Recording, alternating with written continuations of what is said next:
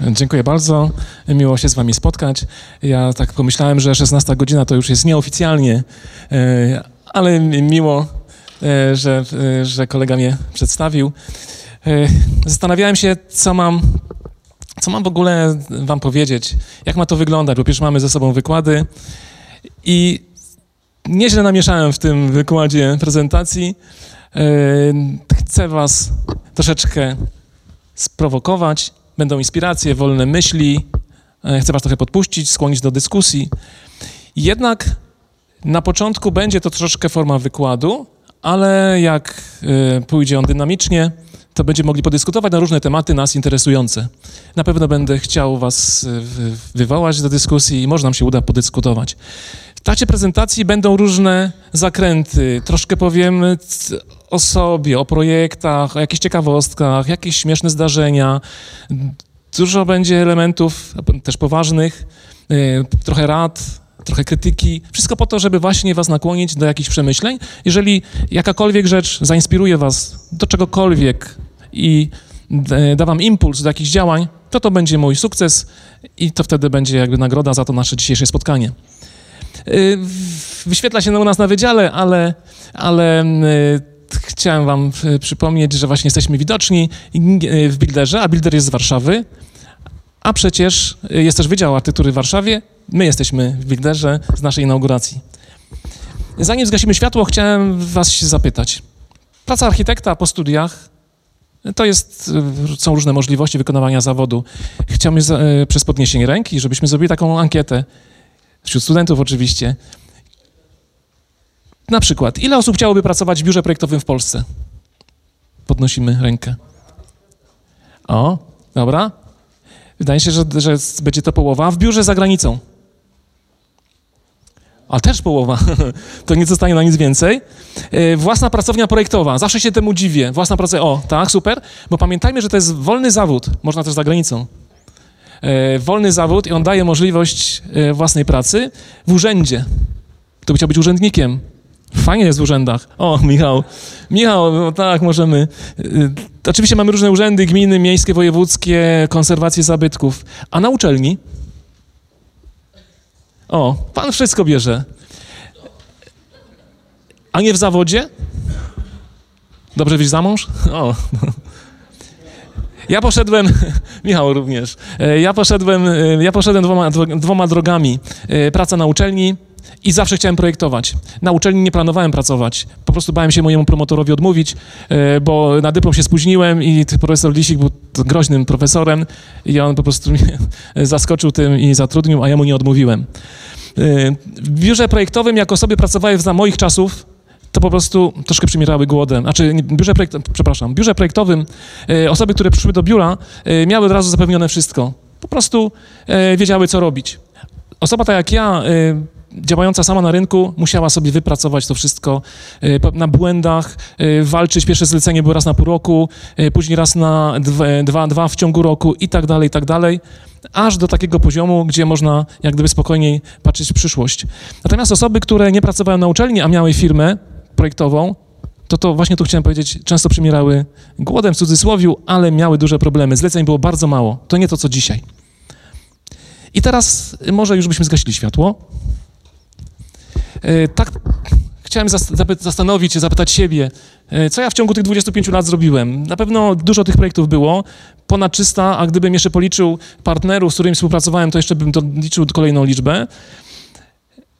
Ale wywołaliście mnie tutaj e, nad tym wykładem do wspominek i przypomniałem sobie pierwszy projekt. W pokoju 308 albo 208 zadzwonił telefon. W świętej pamięci Andrzej Karawaj odebrał go i mówi nie, nie robimy tego, nie zajmujemy się projektami.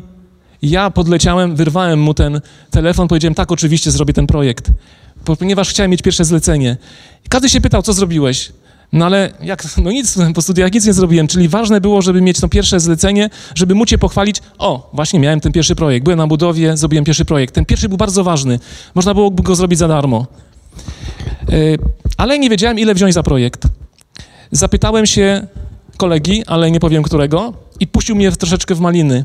Yy, ja yy, na uczelni zarabialiśmy 3 miliony 100 złotych, za chwilę to udowodnię, byliśmy biednymi milionerami, pokażę wam, mam skan zatrudnienia.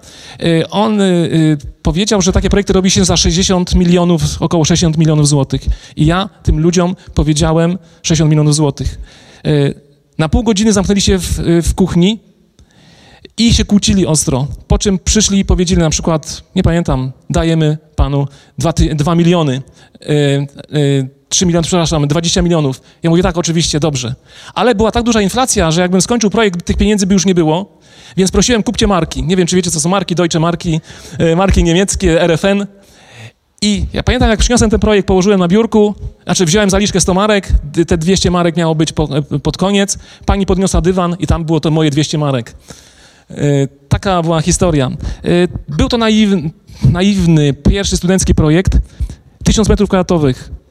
Y, dach mansardowy, budowano klocki, wykusze przez dwie kondygnacje. Była to niesamowita rzecz. Jak widzicie, samochody się zmieniały. Pierwsza była Skoda, e, złota BMK, później e, czarna BMK.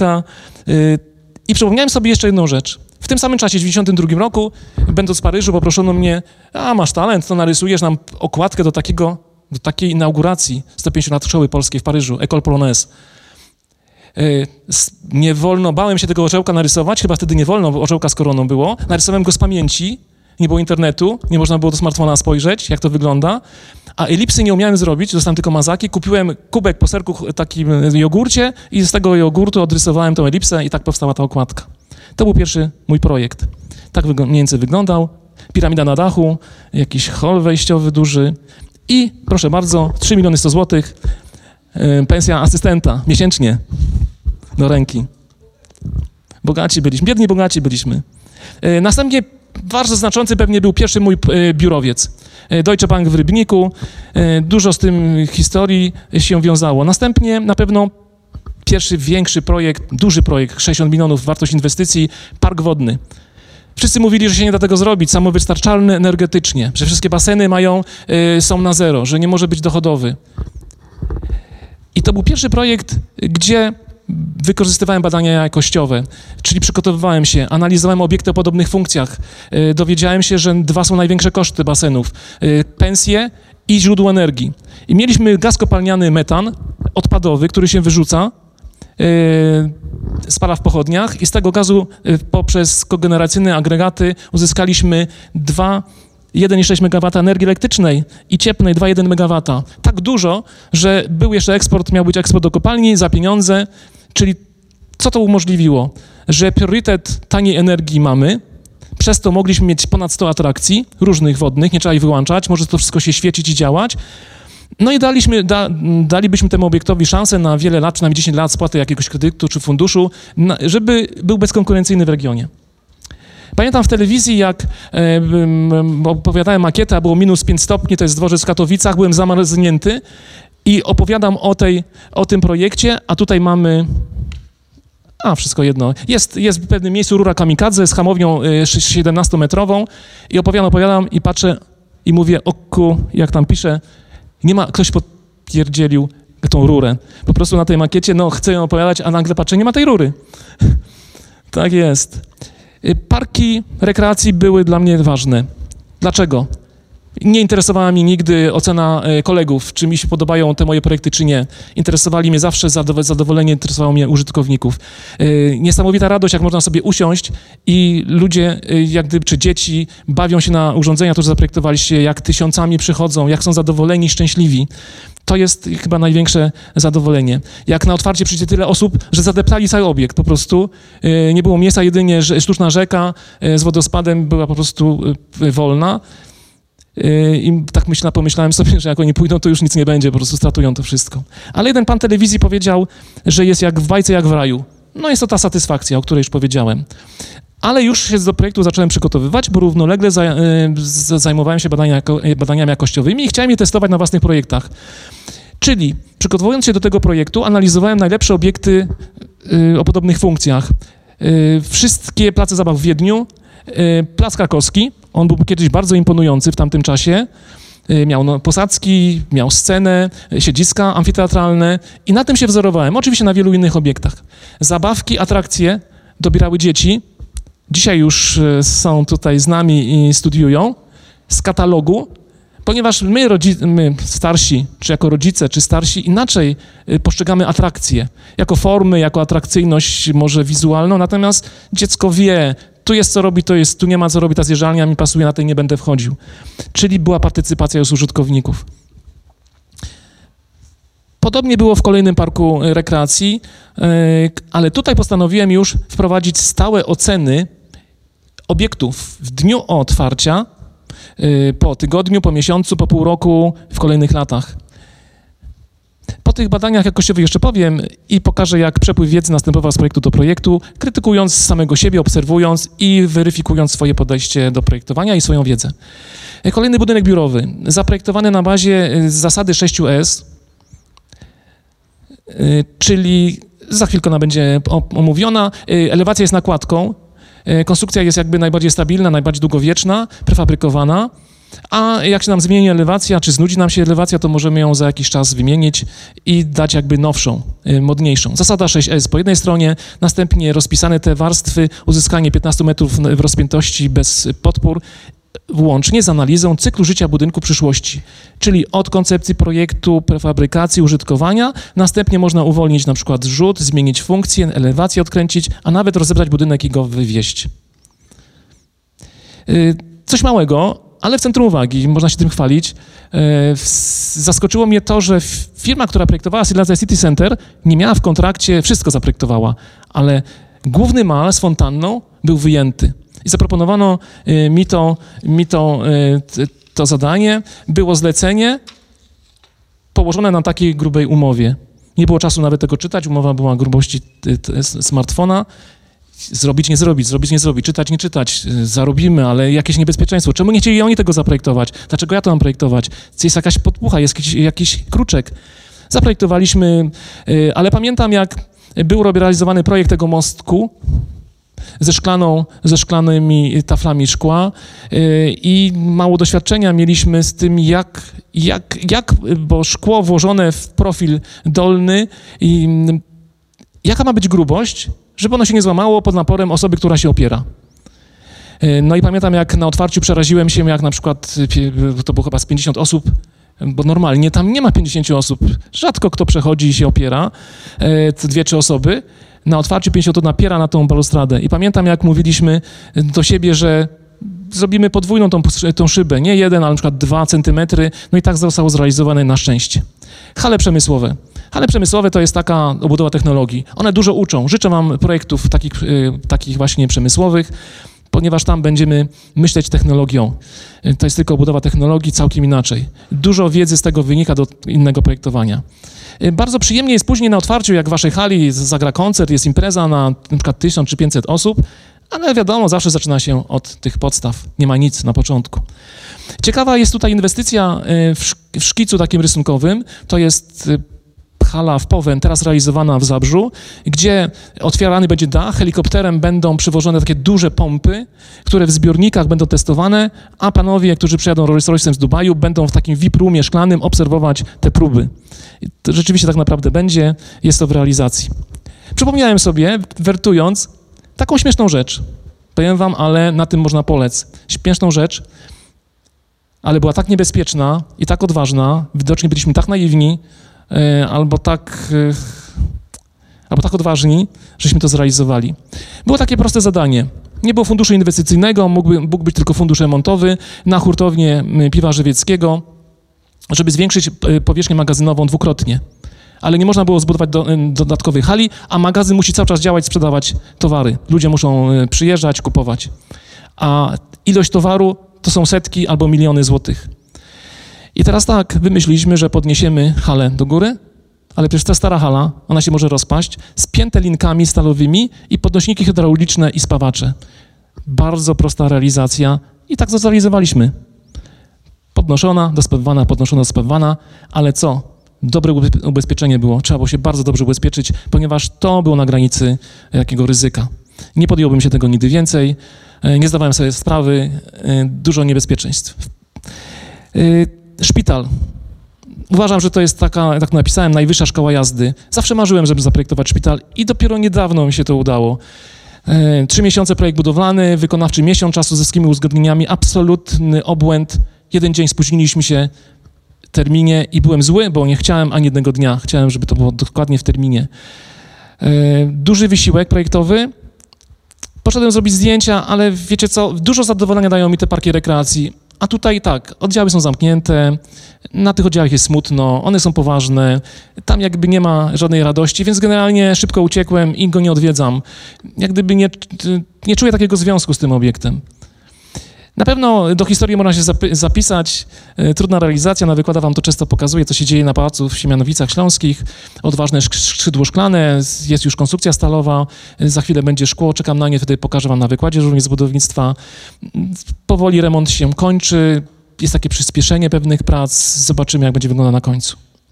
I o właśnie, mam okazję uczestniczyć tutaj w Gliwicach. Ściana fotowoltaiczna, chyba największa w rejonie, nie wiem, czy w Polsce musiałbym to sprawdzić. 24 miliony koszt inwestycji. Oczywiście chodzi o całą, całą technologię, y, modernizację tej fabryki. Mm, też jeżdżę na budowy, więc to mam przekazuję. O, przepraszam, y, tak. Lubimy nagrody. Oczywiście, że tak, nie wstydźmy się nagród y, jako Politechnika Śląska, ale oczywiście imienną za badania jakościowe, autorytet budownictwa i gospodarki śląskie 2014. Otrzymałem, nie mam więcej, mam tylko jedną statuetkę. I teraz temat zasadniczy ile wolno architektowi, architektom, ile można wybaczyć, ile błędów usprawiedliwia dzieło architektury. Czy ładny to wystarczy? Ale zacznijmy od podstaw. Triadę Witruwiusza znamy, ale nie możemy, to jest za mało, ta triada jest za mało. Dzisiaj y, y, ważne są priorytety strategiczne inwestycji, ważne cele biznesowe inwestora, i od razu chciałbym, żebyście pomyśleli, czy realizujecie, realizujecie to w własnych projektach, czy tak myślicie o projektowaniu, a potrzeby użytkowników, portret użytkownika, a efektywność, ekonomika, czy koszty eksploatacji analizujemy, a energooszczędność, projektowanie uniwersalne, a może elastyczność, przekształcalność, adaptabilność, możliwości przyszłości, co się dzieje z budynkiem, i inne, na przykład zasada 6ES. Oczywiście wszystkie przepisy, prawo budowlane, to wszystko trzeba spełnić. I póki to się wszystko dzieje i te pętle y, bierzemy pod uwagę i wszystko jest w granicach, to wszystko jest ok. To wszystko jest pod kontrolą. Jak wewnątrz y, jest jakaś dysharmonia, że bardziej chcemy plastycznie spojrzeć na budynek, to nadal uważam, że jest ok. Ale jeżeli zaczyna dominować podejście takie artystyczne, przestajemy się liczyć z tymi wszystkimi elementami bardzo ważnymi, co jest duże niebezpieczeństwo braku kontroli i pojawienia się być może nieefektywnego, nieekonomicznego budynku, mimo to, że ładnego, mimo to, że może się pojawić na okładce jakiegoś czasopisma, ale później mogą być z nim problemy. E, z ostatnią z muzeum, zdjęcie z Muzeum Śląskiego, zdjęcie nie wierzcie intelektualistom, coś w tym jest. E, w sztuce ujdzie bez głowy, natomiast w architekturze jak na głowie to tylko specjalnie, celowo, świadomie. Lub chyba, że to jest jakaś artystyczna prowokacja. Jesteśmy w budynku, w którym, tu muszę już trochę poczytać, e, jest rzut, właściwie powinienem dać jakiś swój rzut, żeby nie było jakiejś prowokacji z mojej strony. Chciałbym was się zapytać, czy wy czujecie tę odpowiedzialność, rysując, że każda linia na rysunku to jest nie tylko wyraz, ale ma swoją cenę. Za chwilę to udowodnię na liczbach. Y, będziemy zastanawiać, ile kosztuje taka linia. Czy rysując projekt myślimy o tym? Czy zdajemy sobie sprawę na przykład, że inwestujemy czyjeś pieniądze? To nie są nasze pieniądze. Łatwo te linie zrobić, ale ktoś za to płaci. Czy na przykład myślimy o tych wszystkich kosztach eksploatacji, o ilości personelu, bo od naszych rozwiązań, co za chwilę udowodnię, zależy ile będzie personelu. Czy będą wysokie koszty, czy będziemy mogli zmienić ten obiekt w przyszłości. To wszystko nazwałbym tak zwaną odpowiedzialnością, bo wszystkie decyzje podjęte na etapie planowania, programowania i projektowania mają skutki w użytkowaniu. No właśnie, czy, czy kiedykolwiek stosowaliście lub wykonywaliście? E, zasadę 6S, czy stosujecie? A czy traktujecie budynek jako produkt rynkowy? Czy koszty jakości w architekturze analizowaliście? Czy na przykład prawa rynkowe podaż popyt, konkurencyjność obiektów podobnych, żeby dać waszemu obiektowi tą szansę, żeby z konkurencją y, wygrywał? Czy programowanie optymalizację robiliście? Tu pan Michał, y, pana Michała schemat chyba po lewej stronie, panie Michale. Macierz również. Cele biznesowe. Czy analizujecie cele biznesowe? Przecież to jest podstawa. Przecież to nie są, każdy inwestor chce zarobić na budynku, chce spłacić kredyt. To jest jakiś cel inwestycyjny. Priorytety inwestycji. Uważam, że są wytyczne, że nie wszystkie wytyczne projektowe są równorzędne, że są te znaczące o sukcesie inwestycji i jak ich nie spełnimy, to inwestycja nie ma szans. Trzeba je wyłuskać. Czy analizujecie opinię użytkowników? Czy w ogóle was to interesuje? Przecież projektujemy dla użytkownika. Stworzyłem taki diagram kiedyś i oceniałem trzy parki wodne i po lewej stronie jest wyjaśnienie. E, półtorej godziny na przykład po lewej stronie w górnym kółeczku, takiego kółeczka Mercedesa w sumie, y, to jest ile godzin chciałbyś chętnie być. Ja uważam, że w Tarnowskich Górach po półtorej godziny się już nudzę. Y, W Dąbrowej Górniczej tylko jedną godzinę, a w Gołębieskim na przykład mógłbym być trzy godziny. Czy bym chciał przyjść? Kiedy? Tam po trzech, miesiąc- po trzech miesiącach dopiero. Po jednym roku w Dąbrowie Górniczej, a w Mikołajka na przykład poszedłbym na drugi dzień. I Czy komuś bym polecił, tak lub nie? Wbrew pozorom są to bardzo ważne informacje. I teraz tak, ile kosztuje taka jedna kropeczka? Ta czerwona malutka, na jednej kondygnacji 4000 zł w inwestycji, ale dla wszystkich kondygnacji ta jedna kropeczka, tak jak narysujemy, to jest przez wszystkie kondygnacje, to już 16 tysięcy złotych. Ale jak scalimy to w 10 takich kwadracików, to to już jest w skali całego, całego budynku 144 tysiące w inwestycji. To są czyjeś pieniądze, można różne rzeczy z tymi pieniędzmi zrobić. A taka jedna linia na elewacji 10 cm w skali 1 do 100, czyli 10 metrów przez wszystkie kondygnacje, to jest około 100-150 tysięcy złotych. A teraz mamy drugą rzecz, koszty eksploatacji, efektywność budynku. Ten rzut ma taką efektywność, komunikacja to jest 49%. Ile nas kosztuje eksploatacja? 14 zł dziennie za metr kwadratowy. W cali całego budynku ta kropeczka to jest 56 zł. I tak popatrzmy, 10 lat, 60 tysięcy rocznie, 6 tysięcy złotych. Ale gdybym ja tę efektywność przyłożył się do projektu bardziej, zwiększył, na przykład o połowę w tej, w tej e, komunikacji, to właśnie mam tutaj teraz przygotowane rekwizyty, to może miałbym oszczędność 9, e, 10 tysięcy miesięcznie około. Czyli skoro nie mam tej efektywności, bo się wycofuję z tego, tak mam dzisiaj, czyli 10 tysięcy tu było napisane i wyrzucam sobie jednego miesiąca 10 tysięcy, tak, i drugiego miesiąca i tak będę wyrzucał do końca życia tego budynku, tak? Mógłbym z tym coś zrobić, mógłbym sobie, mam tylko cztery, mógłbym coś kupić za to. To nie chodzi o to, że ja ten budynek oceniam, tylko o to chodzi, że nasza linia na, na e, rysunku, nasza plama, nasza decyzja, to są czyjeś pieniądze i jeszcze 10 tysięcy złotych. Pokazuje to, że mamy narzędzia, badania jakościowe, które mogą udowodnić, ocenić nasz projekt, inwestycje bardzo dokładnie. Mogą ocenić, jaka jest je- je- kondycja, jaka jest efektywność e, i możemy udowodnić błędy projektowe, możemy udowodnić noszalancję projektantów. I teraz tak, czy architektowi, architektowi, artyście wolno wszystko? Czy są granice, których nie wolno przekroczyć? Gdzie są te granice efektywności, granice sensu inwestycji? Pamiętam, jak, jak przy tym, jak nasz partner ze Szkocji, architekt, zapytał się na jakimś spotkaniu, co projektujesz? I wtedy projektowałem ten, Deutsche, ten budynek Deutsche Bank e, w Rybniku i pyta się, czy to jest komercyjny? Tak. To jaką masz efektywność? Czy jak, ile masz procent komunikacji? Ja chyba powiedziałem 25%, 30%. Mówi, nie, to jest źle. 10%. Mówię, ale jak przecież się nie da, jak to 10%, a reszta już ma być wynajęta.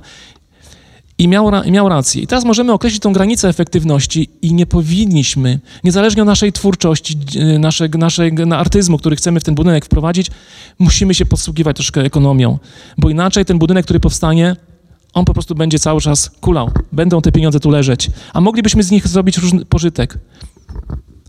To są, to są dwie pensje e, adiunktów miesięcznie, dwie rodziny są utrzymane, albo są jakieś inwestycje, to można kupić rocznie e, samochód e, i tak dalej. Można różne rzeczy z nimi zrobić. Inna analiza, ergonomia, jak ważna jest.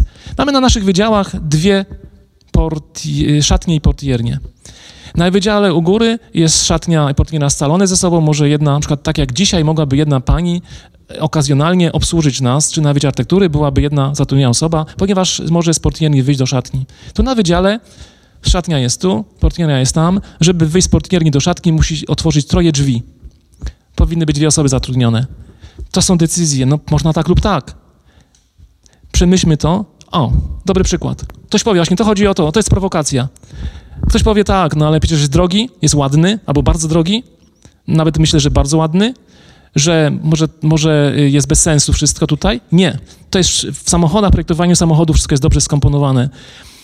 Jest odpowiedni klient pod to, są pewne cele zdefiniowane, tu nie ma niepotrzebnej przyczepy, nie ciągniemy za tym samochodem z niepotrzebną powierzchnią. To była oczywiście prowokacja, chciałem was troszkę zainspirować i trochę rozluźnić. Teraz tak, czy wszystkim wolno tak samo? Nie, wydaje mi się, że gwiazdom architektury wolno więcej. Często się inspirujecie. Kupujecie albumy i tam są wielkie dzieła architektury. Ale często cel powstania tych dzieł architektury jest inny niż typowych obiektów codziennie uzyskujących pozwolenie na budowę w każdym mieście czy gminie. Często ci architekci mogą lub nie mogą, a przekroczyli budżety, albo projektują nieekonomiczne budynki, skupiają bardziej się na poszukiwaniu formy dzieła architektonicznego. I cele tych obiektów są właśnie inne. Są inne korzyści, że zwrócenie uwagi na jakieś miasto, reklama miejsca, tysiące odwiedzających, yy, pokazanie możliwości technicznych. Ale często jak poczytamy historię, to właśnie albo budżet padł, albo coś tam się wydarzyło, albo był niesamowicie duży wysiłek. No i znamy oczywiście tę najwyższa wieża telewizyjna na świecie, e, Sky Tower w Tokio, czy na przykład ten mój ulubiony siedziba browaru. Takich obiektów jest bardzo dużo. E, na przykład to, o, na przykład możemy na przykład zrobić moja ulubiona makieta Franka Gerego. Jemu tak wolno zacząć projektowanie. Nam nie, za, nie do końca. Będzie jeszcze jeden budynek, którego makieta może być taka, za chwilkę się pojawi. Yy, moje też ulubione obiekty, o tutaj właśnie jest. Ale popatrzcie, pojawia się biura do wynajęcia. Może rynek jest nasycony, może właśnie patrzy się na to, ile płacimy za metr kwadratowy i nie tylko już patrzymy, czy jest ładny, czy dobrze zareklamowany przez architekta. Wiemy, że są obiekty nieskończone albo niesamowita ilość pracy kosztowała przy ich realizacji, ale popatrzcie, teraz realizuje się w Tychach. Ja o nie miałem, jak podjechałem pod tą inwestycję. No dosłownie o nie miałem. Mówię, fajna byłaby rezydencja w Dubaju, ale klasztor nie komentuje. Wieże nieskończone. Niesamowita realizacja, niesamowity koszt. Nie wiem po co, ale może jest jakiś cel. Czy artyście, właśnie architektowi wolno wszystko? Czy są granice, których nie wolno przekroczyć? Gdzie są te granice efektywności? Gdzie są granice sensu inwestycji? I takie malutkie elementy. Nie wiem, czy właściwie dobrałem, ale rozmawialiśmy tutaj z, z Kasią, z, z, panią profesor na ten temat już. Yy, to mogło być wszędzie, to jest akurat z Tokio, ale tak samo jest w Gliwicach. To są te jakby oszczegacze dla niewidomych, pojawiają się we właściwych miejscach żeby jakąś żeby dać informację, że jest jakaś, nie, jakieś niebezpieczeństwo. I mamy naszą strefę w Katowicach. I często mówi się, że architekci bawią się tym jak grafiką, że sobie układają to w różne wzorki. To była wypowiedź y, nawet profesjonalistów, którzy oceniają te elementy. I popatrzcie, jest obwiedziony mostek. Nie wiadomo dlaczego, po co, no. Gdzie tu jest to niebezpieczeństwo? Niebezpieczeństwo jest przy wodzie. Czyli po prostu musimy bardziej się do tego przyłożyć, poznać te elementy. No jest plac zabaw. Powiedzcie mi, co chcielibyście robić na miejscu tej dziewczynki? Ile tu jest atrakcji? Bardzo atrakcyjny.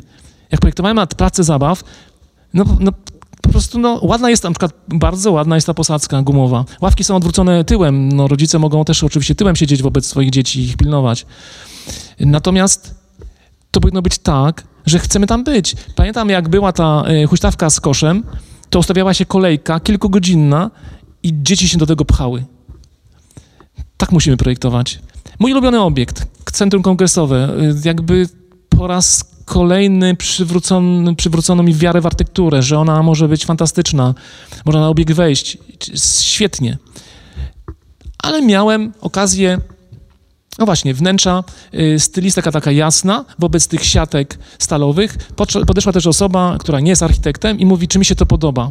Ludzie pytają się na przykład o te siatki, w sumie mi się podoba.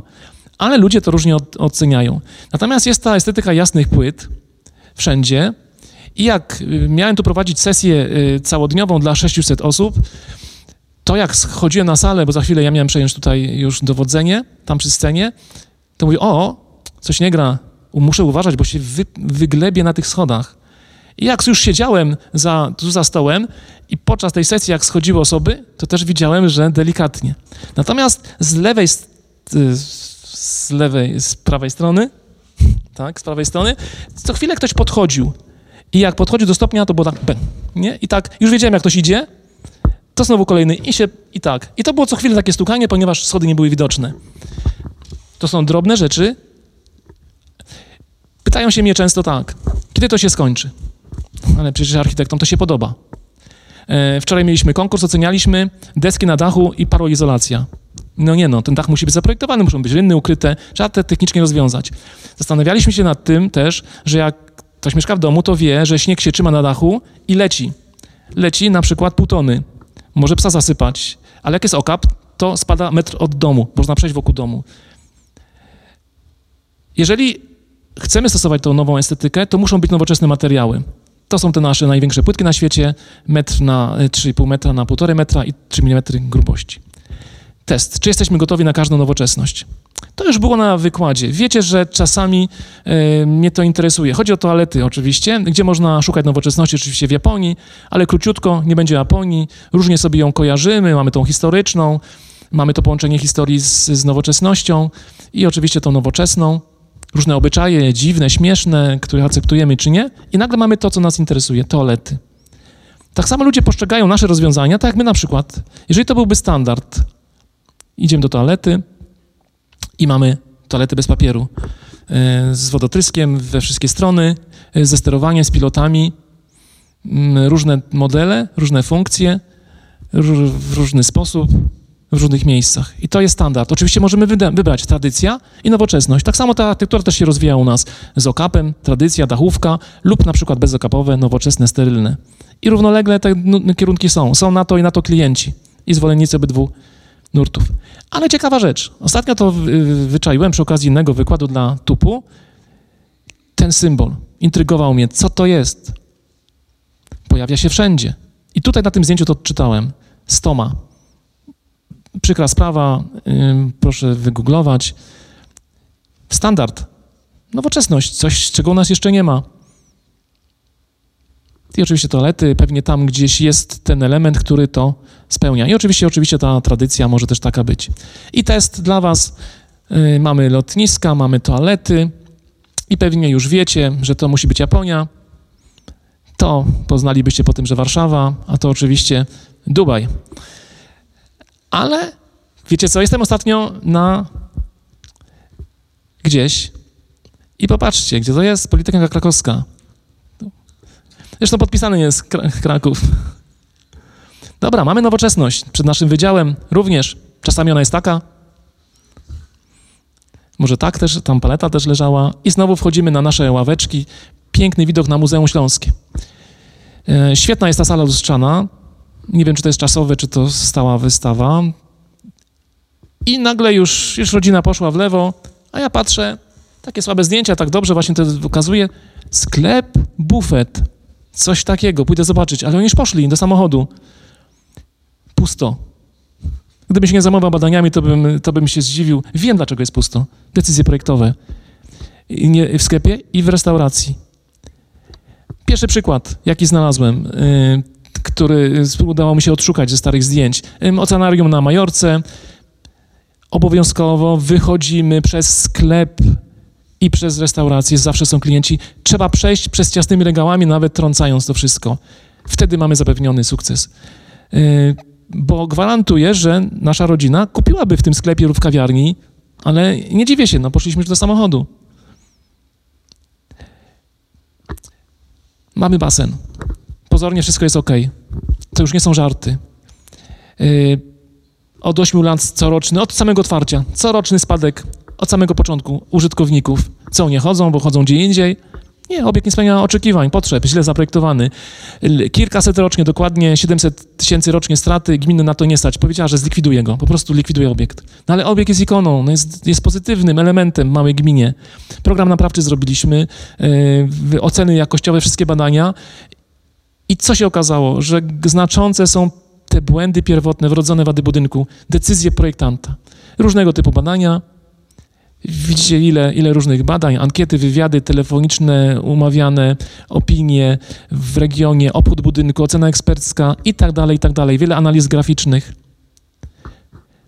Po co to zrobiliśmy? Po to, żeby obniżyć te błędy, które popełniono, poprawić efektywność, yy, spełnić te priorytety biznesowe, które nie były spełnione, a przecież były założone, zmniejszać koszty eksploatacji. Ale ja się pytam, dlaczego nie projektowano tak, aby była efektywność budynku, aby były priorytety spełnione, były niskie koszty eksploatacji. Czy to na tym etapie projektantów nie interesowało? I tak właśnie, nie chcę się nad tym budynkiem już pastwić, ale popatrzcie, jest taka ciekawa bardzo forma pochyła i taka tu okrągła. Chyba najbardziej ciekawe dwa elementy w budynku. Co w nich jest zaplanowane?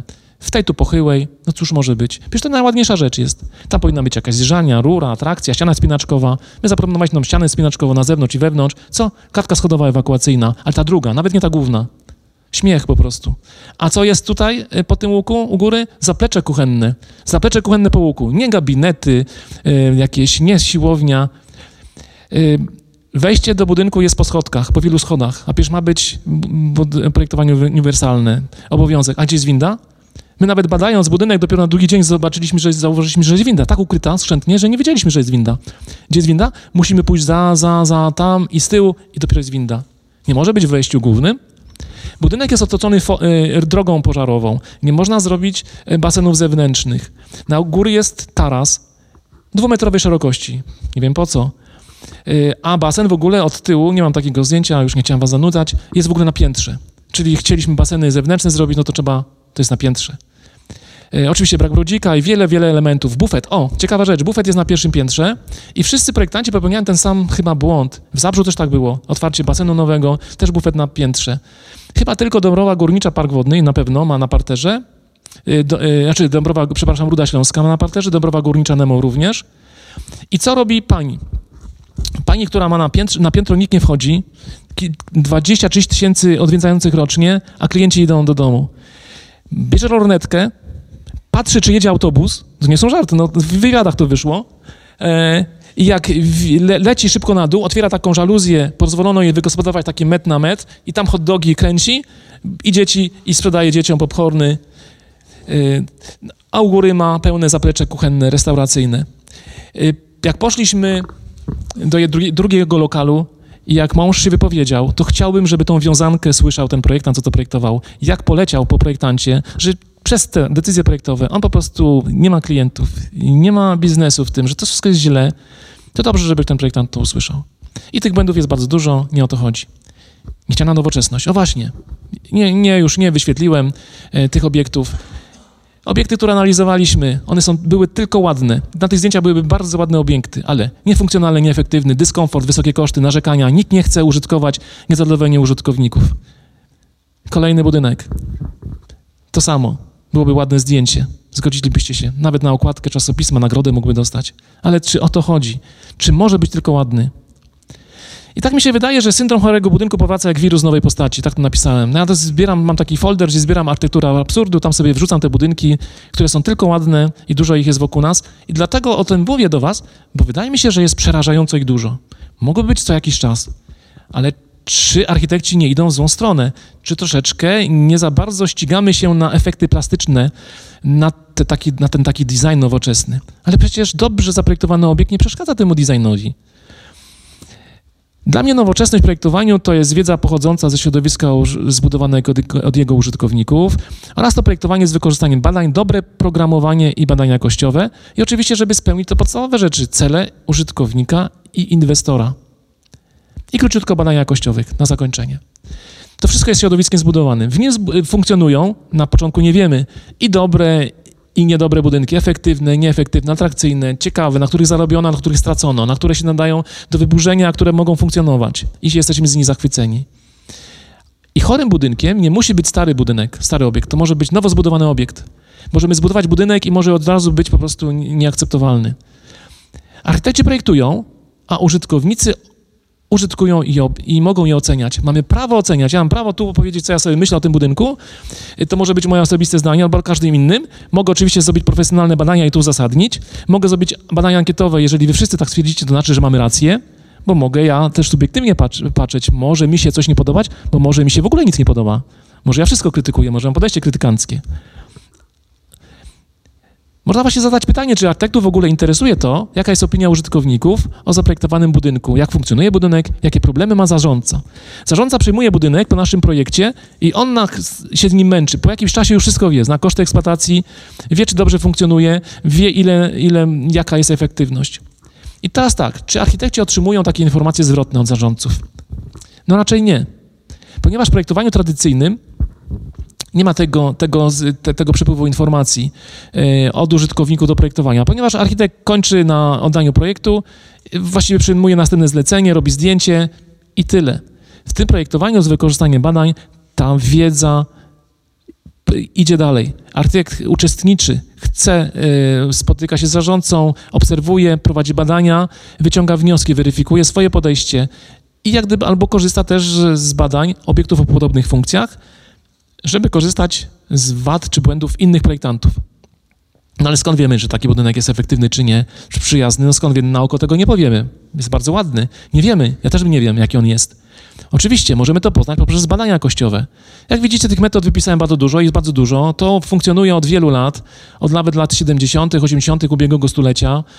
Mm, nasz wydział, nasza katedra się tym specjalizuje.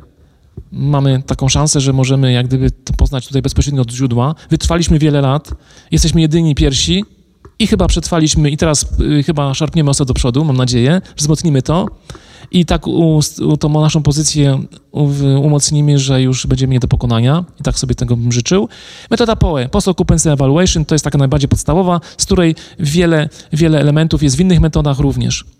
Oczywiście wypracowaliśmy sobie przez lata różne badania, znaczy różne metody własne, autorskie, uproszczone, takie, co, co byłyby mi wygodne i każdy z nas tu w zespole pewnie takie metody ma lub wspólnie je nawet wypracowaliśmy. Ale najważniejszy aspekt to jest to, że to środowisko zbudowane jest źródłem wiedzy i informacji. I teraz, jak patrzymy, czy na Osakę, czy na Warszawę, to patrzymy na to środowisko zbudowane i już nie widzimy tylko inspiracji, grafitowych elewacji, żaluzji na elewacjach, fajnego detalu. Widzimy źródło wiedzy o budynkach i użytkownikach i profesjonalną bazę do projektowania, mając te narzędzia. Ja uważam, że dzisiaj architekt powinien być badacz. Architekt badacz, który jest to model projektanta, który osobiście takie badania wykonuje przedprojektowe, obiektów o podobnych funkcjach, a na ich podstawie wyciąga wnioski do projektowania. Nadal interesuje się obiektem po zbudowaniu, weryfikuje swoje podejście do projektowania. Ten model przedłuża to zainteresowanie projektanta na tą fazę użytkowania. Te metody są łatwe, szybkie, dają y, architektowi możliwość w ciągu dwóch tygodni, tygodnia być profesjonalistą w zakresie danej funkcji. No ile projektowaliście parków wodnych? Jak dostałem zlecenie parku wodnego, to był mój pierwszy park wodny ile jeszcze w ciągu życia mogę zaprojektować parku wodnego? W cieszę się, że mogłem jeden zaprojektować. Było to moje marzenie, ale wydawało mi się, że nie da się go spełnić, no bo, no bo ile w parku wodnych w Polsce jeszcze powstanie? Czy może powstać? Więc jak, mo, jak mogę mieć doświadczenie? W, w, w, konkursie było tak, no wykaż się na przykład, że masz w ciągu ostatnich trzech lat trzy parki wodne na, na swoim koncie. No nie, niemożliwe, nikt tego nie spełni. Więc jak możemy być profesjonalistą w ciągu, y, musielibyśmy całe życie projektować parki wodne, żeby być doświadczenie. Ale analizując obiekty już powstałe, wyciągając błędy, patrząc na dobre praktyki, możemy być w ciągu dwóch tygodni, ja gwarantuję, profesjonalistą w danym zakresie wystarczającym. Przynajmniej nie popełnimy błędów, których popełniono, już popełniono. A jak ze, ze studentami na przykład badamy budynki o podobnych funkcjach, na przykład baseny tutaj na przykład w okolicach, w Gliwic, Zabrza, to na ogół wszystkie grupy miały podobne uwagi, brakowało tego, tego nie było, tego nie było, wszystko się potwierdzało. Ja również sobie to weryfikowałem. E, na podstawie jednego projektu wyciągałem wnioski, analizowałem i przy, przy te doświadczenia przenosiłem do innych obiektów. Jak na przykład to robiłem? E, na przykład były ściany spinaczkowe, betonowe, a testowane ale wydawało mi się, że są niebezpieczne, że jest bardzo duża y, możliwość urazu. To projektowałem następnym razem już ze sklejki. Tak samo siedziska amfiteatralne na przykład. Mówiono mi, że są fajne, ale na przykład w lecie jest bardzo duży upał, nie da się wytrzymać. To następne siedziska zrobiłem amfiteatralne z pergolą, zacienieniem. Czy tak jakby następowała moja edukacja, moja weryfikacja wiedzy. Nie powstałby ten samowystarczalny energetycznie park wodny, gdyby nie takie przygotowanie. Oczywiście literatura, ale to jest mniej istotne. Oczywiście to, co mówię, to nie jest tak, że ja sobie tak uważam. To są wieloletnie badania, e, co najmniej 50 obiektów. Wszystko, co było najnowsze, Warszawskie Centrum Finansowe, Chorzowska 50, co tylko zbudowano, my już to badaliśmy, analizowaliśmy. Ale wszyscy się bali tych badań, ponieważ badania powiedzą prawdę. Zarządcy nie chcieli nam tego zlecać. Mieliśmy tylko dwa zlecenia e, zapłacone, a resztę robiliśmy na własny koszt, z własnych zainteresowań. Właśnie te wnioski, że chyba za dużo tych obiektów jest takich nieefektywnych. Należy się bardziej przyłożyć do tego projektowania. Ja uważam, że dzisiaj jakość to jest standard obowiązek.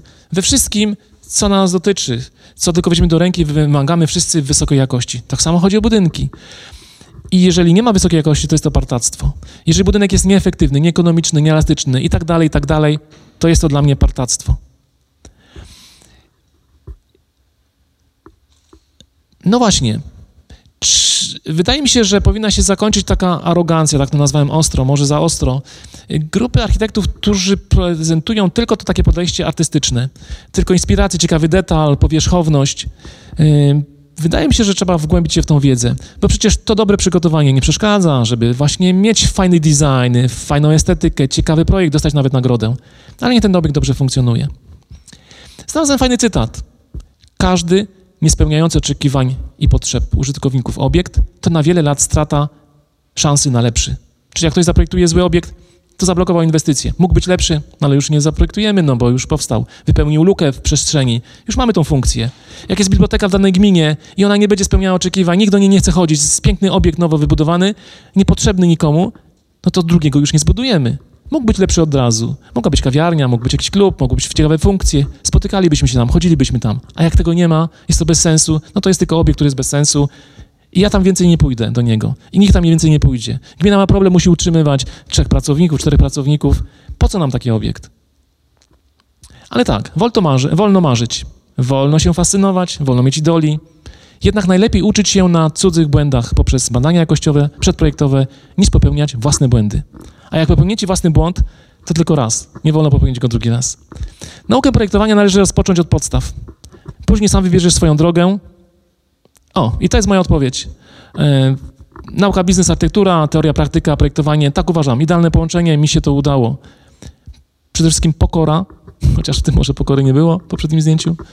Projektowanie w oparciu o wiedzę, czyli badania jakościowe. To na świecie się nazywa research by design albo design by, by research. I to jest normalne, to jest standard. Jeden błąd, to też jest prowokacja, ale i trochę fantazji nie zaszkodzi oczywiście. Takie zdajmy się ponieść trochę fantazji.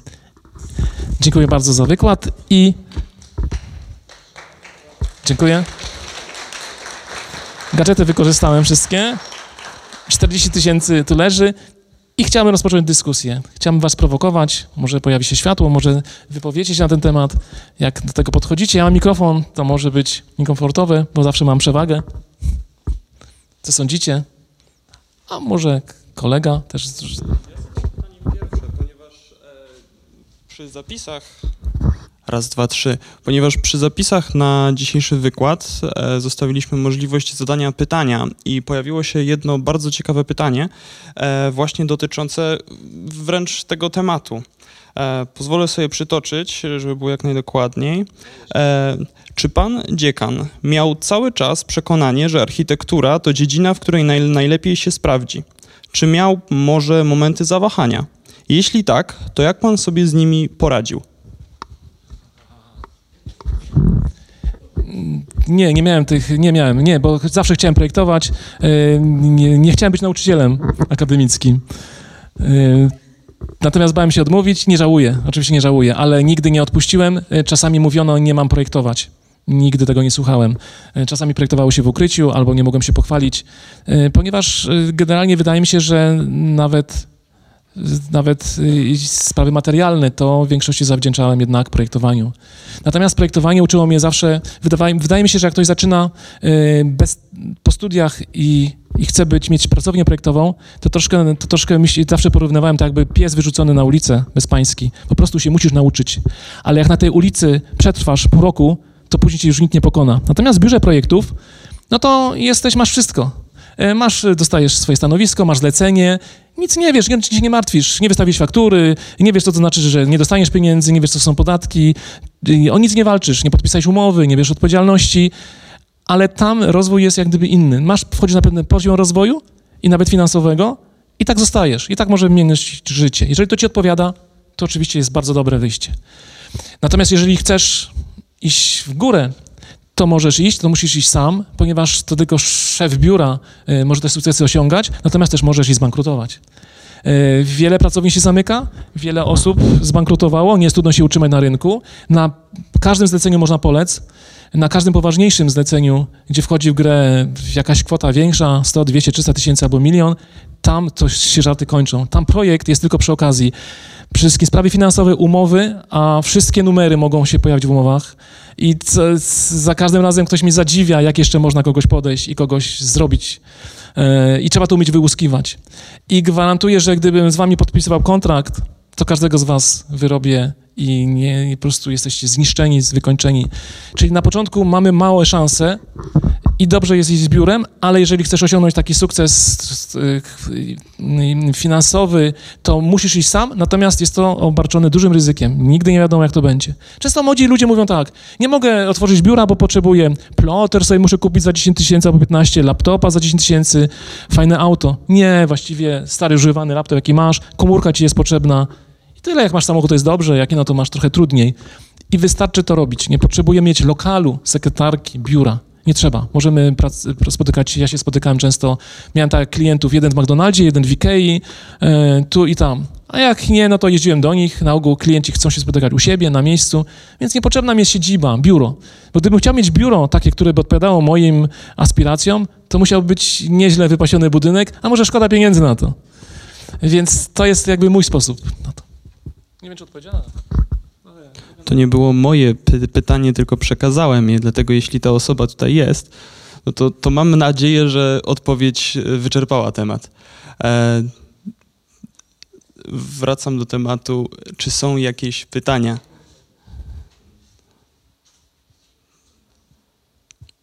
Coś porozmawiajmy o czymś. Co chcielibyście robić po studiach, jakie są wątpliwości,